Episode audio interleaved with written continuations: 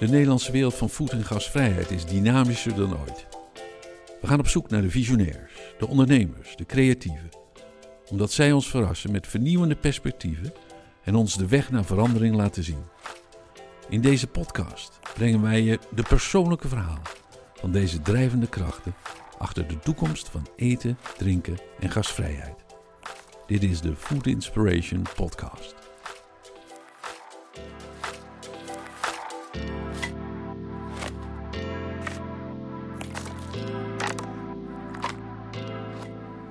Welkom bij de Food Inspiration Podcast. Mijn naam is Joost Scholten. Vandaag loop ik voor deze aflevering van de podcast door de Amsterdamse binnenstad. En dat is een ander Amsterdam dan ik gewend ben. En normaal gesproken kun je hier over de hoofden lopen van de toeristen en de dagjesmensen. En nu kun je hier eigenlijk een kanon afschieten. We zitten namelijk nog midden in de tweede lockdown. En de straten zijn een beetje van mij. Het is een beetje gek. Is op zich natuurlijk ook wel leuk om dat een keertje mee te maken. Maar ja, je weet ook dat er een wereld van pijn achter schuil gaat. Met name voor de horeca. En de hotellerie is hier uiteraard ook altijd gewend eh, vol te zitten met gasten uit binnen- en buitenland. En daar wil ik het vandaag over hebben. Ik ben onderweg naar de Weesperstraat uh, voor een gesprek met Hans Meijer. Is oprichter van de hotelformule Zoku. Uh, hij heeft een beetje een ander geluid. Natuurlijk heeft hij ook zorgen van de crisis. Hij is ook gestart met nieuwe samenwerking en service in zijn hotel. En daarom wil ik hem heel graag spreken over ondernemen in deze crisistijd. En wat volgens hem de kracht is van verbindingen.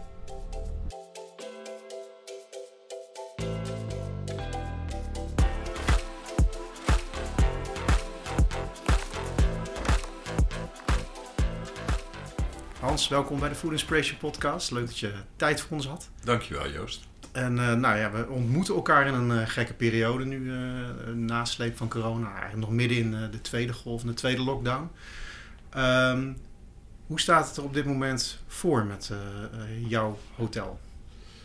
Um, ja, het is net hoe je er naar kijkt. Dus als je er absoluut naar kijkt, dan, dan gaat het gewoon heel slecht. En de hele markt die doet het op dit moment echt heel slecht. Is weer vergelijkbaar met de eerste lockdown. Uh, als je het relatief bekijkt, doen we het een stuk beter dan de markt. Het heeft ook een beetje te maken met het uh, unieke concept wat we hebben en de specifieke markt waar we, op ons, waar we ons op richten. Dat is met name longstay. En dat we wat flexibeler zijn in ons concept, dus dat we makkelijker kunnen switchen naar andere markten, uh, omdat we het fysieke product daarvoor hebben wat daar geschikt voor is. Wat is Zoku precies? Ja, Zoku is het Japanse woord voor family, tribe of clan. Uh, Zoku was eigenlijk een culturele onderstroom in Japan van de jaren 70, waarbij mensen met dezelfde levensstijl bij elkaar gingen wonen. En we hebben Zoku bedacht voor een hele specifieke doelgroep, voor mensen die tussen de vijf dagen en drie maanden internationaal willen wonen en werken. En natuurlijk kan je hier één dagje komen, je kan ook zes maanden zitten, uh, maar daar is het concept ooit, uh, ooit voor bedacht. En Zoku is een hybride tussen een huis en een kantoor voorzien van hotelservices en wat we noemen de gezelligheid van de dynamische buurt. We hebben nu één Zoku in Amsterdam. Die is open sinds mei 2016. In het tweede kwartaal van dit jaar, van 2021, worden we drie keer zo groot. Want dan gaan we een Zoku openen in uh, Kopenhagen en in Wenen. Ik denk het belangrijkste, of een van de belangrijkste kenmerken van Zoku is de Zoku Loft. En um, als je naar traditionele hotelkamers kijkt, dan staat in 99,9% van die kamers staat het bed midden in de ruimte. En zeker als die kamers wat kleiner zijn, wat de afgelopen jaren natuurlijk in veel hotels gebeurt, om met name kleinere kamers uh, te komen, dan kan je met zo'n kamer niet zoveel dan daarin slapen.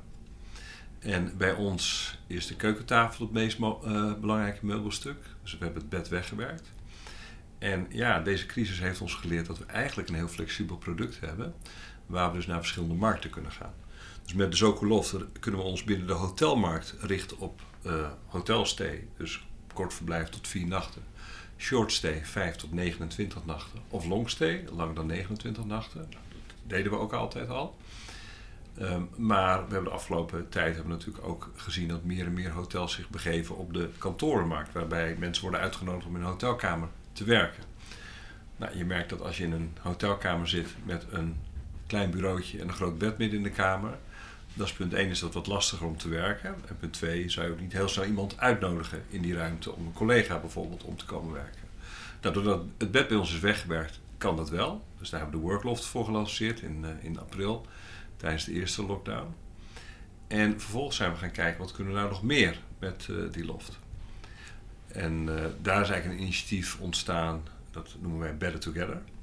Waarbij we eigenlijk zijn gaan samenwerken met andere partijen die ook last hebben van uh, corona. Die ook geconfronteerd worden met een enorme uitval qua omzet.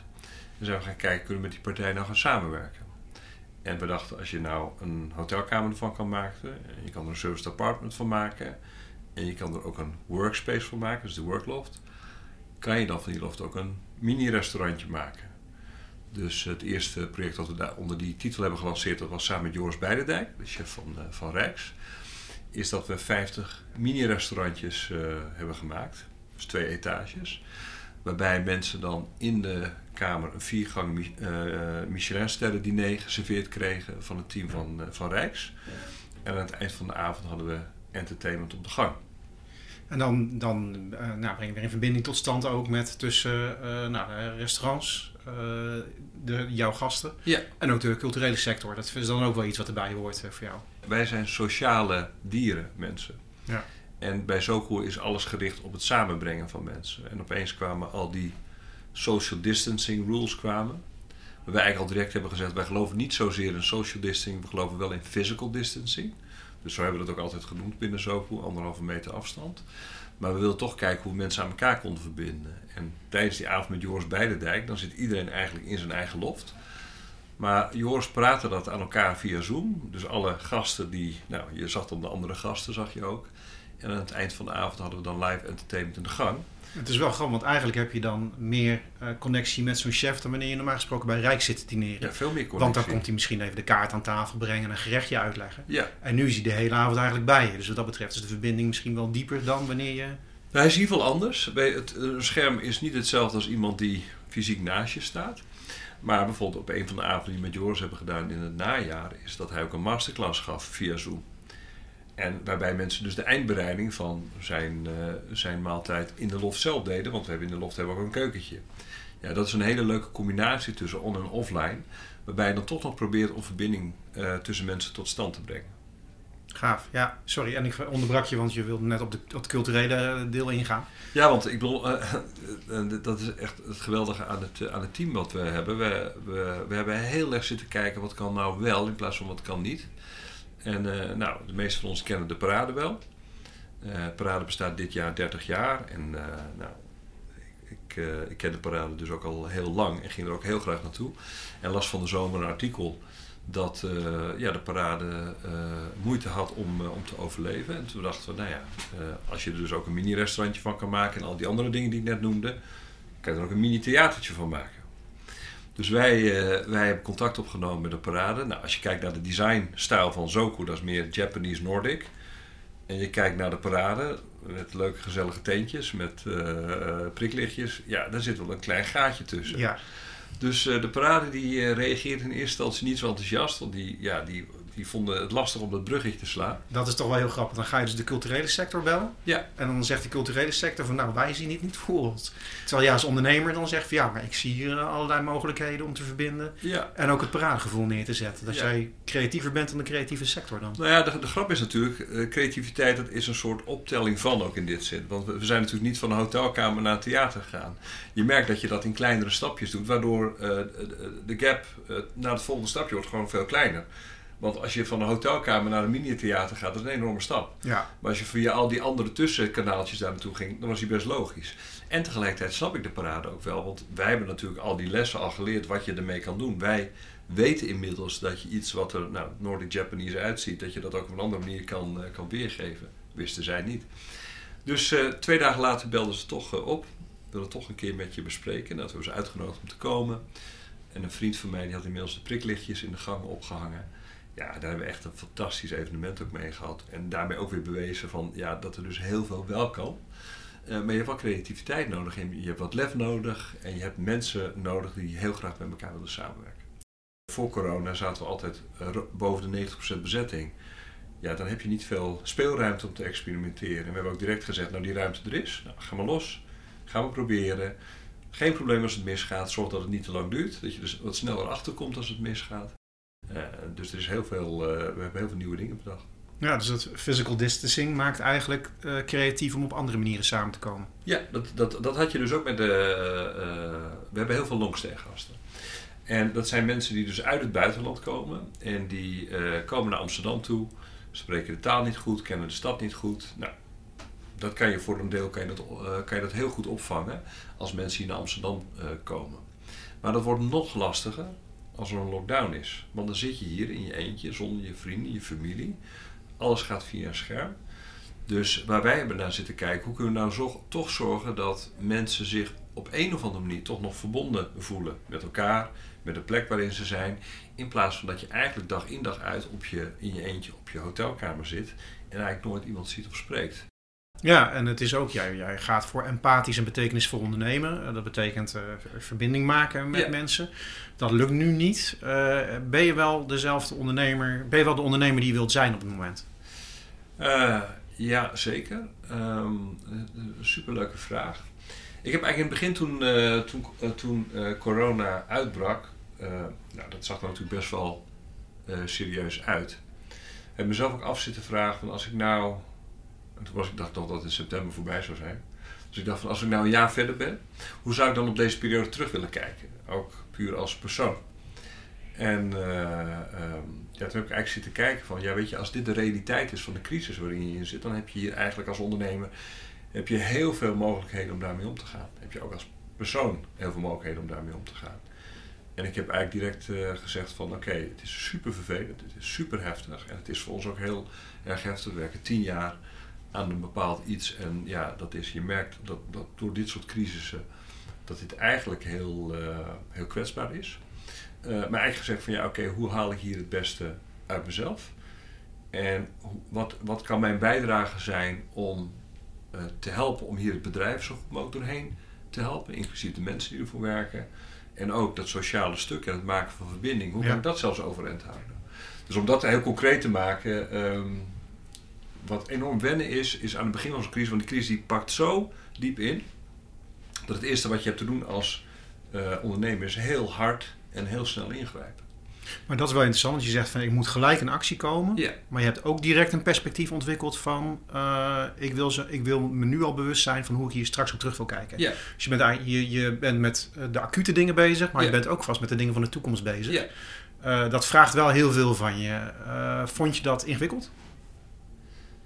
Um, of, of gaat nou, het heel natuurlijk eigenlijk? Nou, op zich gaat het wel natuurlijk, maar ik, zal, ik, ik ben, ik ben, wat ik al zei, dat het in september wel een beetje voorbij zou zijn. Ik heb wel rond de kerst het gevoel gehad van jeetje, dit is wel echt een marathon. Zeg. Dit is echt een uitputtingsslag. En, het is een heel zwaar jaar geweest. Ja, het is, het is echt een heel zwaar jaar. Dat komt ook natuurlijk als je, als je ondernemer bent. Dan, kijk, niemand volgt een pessimist. Niemand uh, raakt geïnspireerd door iemand die er zelf ook niet in gelooft. Dus het betekent dat als je ondernemer bent, heb je één ding te doen, uh, is naar perspectief te zoeken. En dat perspectief ook te delen met je medewerkers uh, en ja. je teams. En dat je elkaar vasthoudt en elkaar door die crisis heen probeert te helpen. Dus aan de ene kant was het hard ingrijpen, maar aan de andere kant was het ook die eerste twee weken van de lockdown, waarbij we eigenlijk zagen de situatie die zich voordeed in de Italiaanse ziekenhuizen. Waarbij iedereen eigenlijk uh, enorm verrast werd door de uh, enorme toename van uh, ziekenhuisopnames, waarbij je dus mensen in de gang uh, zag en dat soort dingen. En toen dacht ik wel van ja, aan de ene kant ben ik dus dingen aan het afbreken voor mijn gevoel, hard ingrijpen, kosten besparen, met al onze partners afspraken maken. Aan de andere kant wilde je ook gewoon nog blijven bouwen. En dacht ik ook bij mezelf, wat kunnen wij nou als industrie kunnen wij nu doen? En het bijzondere was, is dat wij eigenlijk in de zorg dreigt een enorme ondercapaciteit. -hmm. Terwijl we in de horeca, ja, kwam een enorme overcapaciteit aan mensen. Dus toen dacht ik, nou, aan de ene kant ben ik aan het afbreken, maar aan de andere kant, wat kan mijn bijdrage zijn om te kijken of we die overcapaciteit klaar kunnen maken voor de ondercapaciteit in de zorg. Want wat je niet hebt als die enorme uh, toevloed van mensen naar ziekenhuis komt, je hebt geen tijd meer. En zeker omdat er zoveel verschillende organisaties bij betrokken zijn, heb je ook niet de tijd om allerlei plannen uit, uh, uit uh, te werken. Dus uh, toen heb ik eigenlijk contact opgenomen met, met Rabobank Amsterdam. met Erik Traan, met Barbara Baasma. En hebben eigenlijk gezegd van, kunnen wij iets bedenken dat we een soort toolbox klaarmaken voor, nou, als die enorme vraag er komt, dat we kunnen helpen. En daar hebben we eigenlijk een aantal, hebben we eigenlijk twee weken heel intensief samengewerkt, ook met de gemeente Amsterdam. Dus uh, zijn erin geslaagd om twee hotels te vinden die beschikbaar waren. Dat als de ziekenhuizen zouden vollopen, zouden die hotels eventueel voor lichte zorg ingezet kunnen worden. Een hotelondernemer gevonden die was bereid om zijn hotel beschikbaar te stellen voor daklozen die in thuisquarantaine moesten. Ik heb veel contact gehad met Koninklijke Horeca Nederland. Die hebben enorm veel hulp mee gehad om uh, via het netwerk van de Koninklijke Horeca Nederland dat we uh, dat konden klaarzetten dat als er behoefte was aan mensen, dat uh, mensen uit de horeca konden helpen. Ja. Ik heb contact gelegd met de KLM. Die hebben een initiatief dat heet Blauw Helpt. Waarbij KLM'ers dus eventueel beschikbaar waren. En het idee was eigenlijk dat als je bovenaan de piramide kijkt in de zorg, daar zitten de intensive care verpleegkundigen. Nou, daaronder komen de normale verpleegkundigen. En, de, en die normale verpleegkundigen ja, die, die smeren ook broodjes. En toen dachten wij, ja, dat kan je ook door andere mensen, horeca mensen ja, laten dat kunnen wij. Mensen dus gaan opschuiven naar boven. Nou, dat hebben we dus uh, allemaal klaargemaakt. Uiteindelijk viel die eerste golf mee. Maar het was wel heel fijn om te merken dat je dus ook, en dat hebben we ook met, ik vergeet nog het Rode Kruis uh, erbij te halen. Uh, want die hebben, met de Rode Kruis hebben we dat ook samen gedaan. Dat je eigenlijk met een aantal partners die over niet gewend zijn. Want welk hotel werkt nou normaal samen met op zo'n initiatief? met de Raadbank Amsterdam, met het Rode Kruis. Nou, dat, eh, dat hebben we dus toen kunnen doen. We hebben één verdieping bij Zoco vrijgemaakt en geïsoleerd van de rest van het hotel voor mensen die in de zorg werken, maar niet naar huis kunnen of niet naar huis willen. Dus die konden hier gratis, gratis slapen. Dus dan ben je aan de ene kant ben je toch nog, heb je het gevoel dat je toch nog als ondernemer ook nog met iets aan het bouwen bent. Je ontwikkelt dus eigenlijk ook gelijk een helikopterview. Je brengt partijen samen. Is dat een van jouw grote krachten? Dat je daar gelijk eigenlijk... Uh op inspeelt op die manier? Nou, ik, ik, ik, ik geloof wel heel erg in de kracht van het netwerk en de kracht van, uh, uh, van verbinding met mensen. En ik ben de afgelopen twintig jaar ook wel heel zorgvuldig geweest in het, in het opbouwen van mijn netwerk. En ik, ben, ik, ik geloof heel erg van dat netwerken worden vaak opgebouwd omdat je denkt dat je van, van iemand iets kan krijgen. En ik geloof heel erg in het model van wat kan ik aan die persoon geven. En ik geloof ook in wederkerigheid. Dat komt altijd wel ergens op een manier komt, uh, komt dat terug. Dus uh, dat betekent ook dat op het moment als zo'n situatie zich voordoet, uh, ja, dat je op dat moment eigenlijk al alleen maar je netwerk hoeft te bouwen waarvan je weet, nou, dit zijn de mensen die dit ook belangrijk vinden. Ja, dat is dan eigenlijk meer het faciliteren van verbindingen. En daarna vindt het zichzelf zijn weg, want dan, dan, dan gaat het vanzelf verder je klinkt wel bijna schizofreen. Dat je aan de ene kant zegt van uh, een pijnlijk jaar, een jaar van veel zorg, een jaar van veel stress. Een jaar waarin ik niet heb kunnen ondernemen zoals ik wil. Maar aan de andere kant uh, heb je ook hele nieuwe dingen gedaan, nieuwe verbindingen tot stand gebracht. Je hebt wel weer uh, waarde toegevoegd, zoals wat je net vertelt, het contact wat je opneemt met de Rabobank. Je hebt ook heel veel mooie dingen gedaan. Hoe, hoe voelt het nou om Hans Meijer te zijn in zo'n periode? Ja, je, noemt het schizofreen. Ik doe het misschien paradoxaal. Dat vind ik iets, aardig klinken. Um, nou ja, kijk, uh, terug naar de vraag. Hoe, hoe wil je erop terugkijken? En dan, ik wil, er, uh, uh, ik wil erop terugkijken dat ik positief ben gebleven. Dat ik elke keer weer een mogelijkheid zou vinden om iets wel te laten slagen. Dat ik dat voor heel veel respect ehm, voor de mensen en mijn gasten zou kunnen doen. En uh, uh, dat ik heel eerlijk tegen mezelf zou zijn. Dus dat ik nog steeds conform mijn eigen waarden, zou ik maar zeggen, dit werk uh, kan doen. En ja, ik ben gek op paradoxen. Want ik vind het altijd heel erg leuk om dingen die elkaar normaal uitsluiten bij elkaar te brengen. Dat zit ook in mijn werk. Weet je, dat, dat, dat nou, voorheen bij Citizen M, waarbij affordable en luxury bij elkaar bracht, wat niet zo bedacht. Hier bij is het huis en het kantoor. Dat zijn ook twee verschillende werelden, die brengen, bij, uh, brengen we bij elkaar. Dus ik vind juist het bij elkaar brengen van die dingen vind ik een van de leukste dingen. Ja, dus eigenlijk is het wel een tijd waar je uh, als ondernemer eigenlijk uh, goed geschikt voor bent. Ook al is het misschien niet zo'n leuke tijd. Nee, ik, ga, ik, ga, ik heb ook serieus... en ook hier zit weer de paradox. Het is ongelooflijk vervelend, maar kan het ook. Weet je? Dus, dus je, je merkt ook dat je het is natuurlijk ook wel de ultieme test voor jezelf. Het is ook met name omdat het zo lang duurt, is het ook een groot mentaal experiment. Wat we natuurlijk allemaal thuis hebben met, zelfs als je een, een, normale baan hebt, zit je op dit moment wel thuis met je partner, met wie het wel goed gaat of beter gaat in een crisis. Je kinderen die studeren thuis. Als het een beetje tegen zit, heb je er drie, vier die net in de verkeerde leeftijd zitten, dat je dag en nacht ermee bezig bent. Dus dat is een deel. Maar als je daarna nog de spanning erbij krijgt, dat je je levenswerk afgebroken ziet worden, dat je pensioen dat je spaargeld erin gaat. Dat je, Persoonlijk verantwoordelijk, je kan gewoon je huis kwijtraken. Je kan je huis kwijtraken. Ik ben dan ook nog wel een beetje ouderwets in die zin. Dat ik vind dat ik hoofdkostwinnaar ben. Dat ik vind dat ik het goed te regelen heb voor mijn gezin. Ja, dat zijn natuurlijk wel momenten wat door zo'n jaar ook door je hoofd heen gaat. Dus het is een, ik bedoel dat ik ben de laatste die zeggen dat het een vrolijk jaar is geweest. Ik, ook ik vond het taai. Uh, maar tot nu toe heb ik ook elke keer weer een bronnetje gevonden waar ik weer nieuwe energie uit kan putten. Dus ah, dat kan ook nog, dat kan ook nog, dat kan ook nog. En wat ik, wat ik net tegen je zei. De, er is ook al vaak een kick geweest. Uh, kick is het verkeerde. Uh, nou, ja, soms. nou, kick is misschien het verkeerde, want kick heeft. Een reka-moment dan? Iets dat je zegt van, ah, oh, nou, dit is een goed idee. Nee, ik zou, ik zou trots willen noemen. Ons concept bestaat bij één ding: menselijk contact. Ja. Dus als je bij Zoco binnenkomt als gast, krijg je een hand. Het personeel knuffelt elkaar de hele dag. We hebben community diners waar we met z'n tienen aan een grote tafel zitten. Ons hele F&B-concept is gericht op delen. Verzinnenbaar. Nou, bij wijze van spreken, je, je kan het overnieuw uh, gaan, gaan bedenken. Dus uh, wat we ook in die eerste periode hebben gedaan, is dat we, en dat was eigenlijk naast kostenbesparingen, zo was het stap 2, uh, zo omvormen naar die nieuwe, nieuwe realiteit. En wat we gedaan hebben, en dat vond ik echt heel leuk, en dat is dan zo'n moment van trots, is dat je mensen uit alle afdelingen, die normaal niet met elkaar werken, die, die breng je bij elkaar. En het eerste wat we hebben gedaan is vanuit gastenoogpunt, weet je, we wilden de meest veilige plek worden waar mensen nog steeds physical distant kunnen zijn, maar, geen, maar still socially connected, zoals we dat even noemen. We hebben de hele guest experience opnieuw uitgewerkt. En dat was niet alleen met het team wat normaal zich met guest experience bezighoudt. Maar er zat reserveringen erbij, er zat sales bij, er zat accounting bij. Al die verschillende mensen. Er zaten uh, de mensen die in leiderschapsposities zitten, er zaten stagiaires bij. En die werkten allemaal in kleine subgroepjes. En dat ramden we gewoon in, in twee weken hebben we dat er doorheen geramd met z'n allen.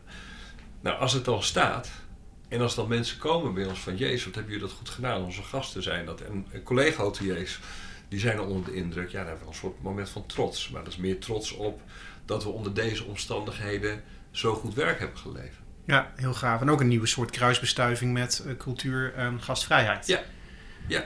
Het, is, het, is, het is eigenlijk um, dat je samenwerkingen uh, bedenkt die je nooit anders had bedacht. We hebben er nog eentje in de, in de, in de pijplijn uh, zitten, daar kan ik nog even niets over zeggen. Maar die, die had je helemaal nooit bedacht. Uh, dat komt omdat er een bedrijf bij betrokken is die ik heel graag aan boord wil trekken hier, uh, hiervoor. Maar die op dit moment hebben die ook even hun, uh, hun zorgen door de crisis. maar je merkt gewoon dat er. kijk, uit elke crisis komen winnaars en verliezers. En ik spreek ook collega's ja, die het gewoon ongelooflijk lastig vinden deze tijd. Die ook niet het geluk hebben van een product wat makkelijk aanpasbaar is. Ja, je kan ook gewoon pech hebben. Je kan pech hebben. Die ook niet... Uh, kijk, wij hoeven van een hotelkamer naar een workloft, naar een mini-restaurantje, naar een mini-theater, hoeven bij niks te investeren. Dat zijn echt eurotjes. Maar als je, als je dat wel moet en je hebt dat geld niet, ja, dan ben je natuurlijk redelijk uh, beperkt. Als je dan ook nog het lastig vindt om je team mee te krijgen, om je team blijven te motiveren, want we moeten niet onderschatten hoe ongelooflijk ingewikkeld het is voor mensen. Kijk, de mensen die je nu hier ziet werken, is natuurlijk een stuk rustiger dan normaal.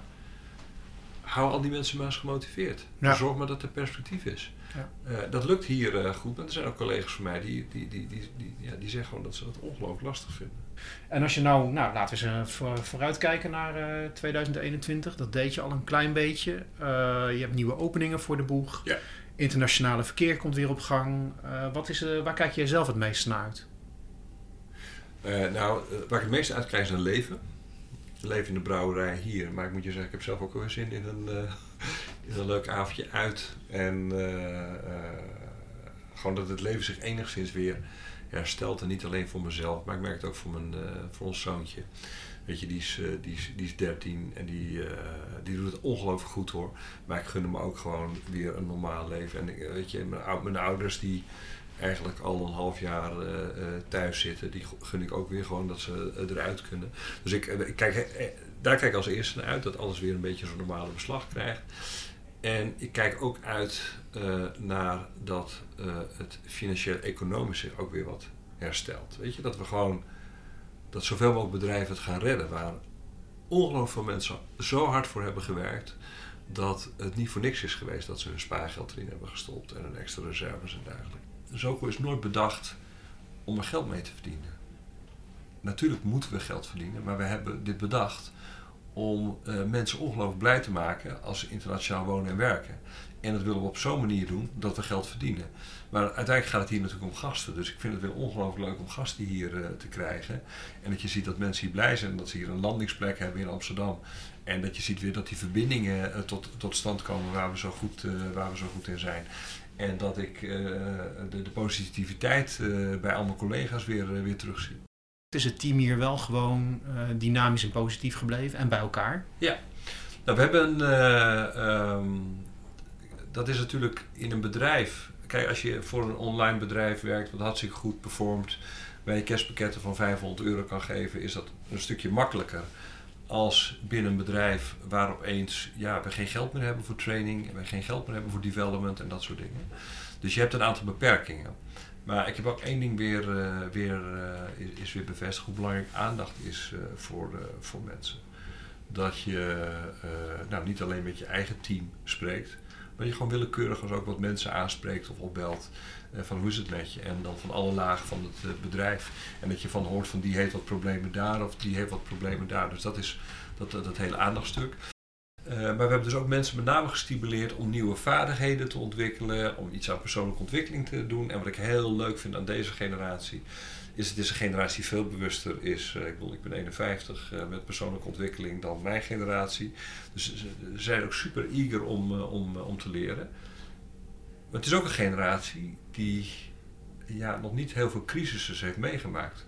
Nou moet ik niet zeggen dat wij iets van deze orde hebben meegemaakt. Maar dat zeggen, ze krijgen we ook wel gelijk uh, de big one. Dat, dat, dat is ook zo, weet je wel. Maar ik bedoel, we hebben natuurlijk de, nou, de eerste keer was de Golfoorlog, toen kwam 9-11, uh, de financiële crisis van 2008.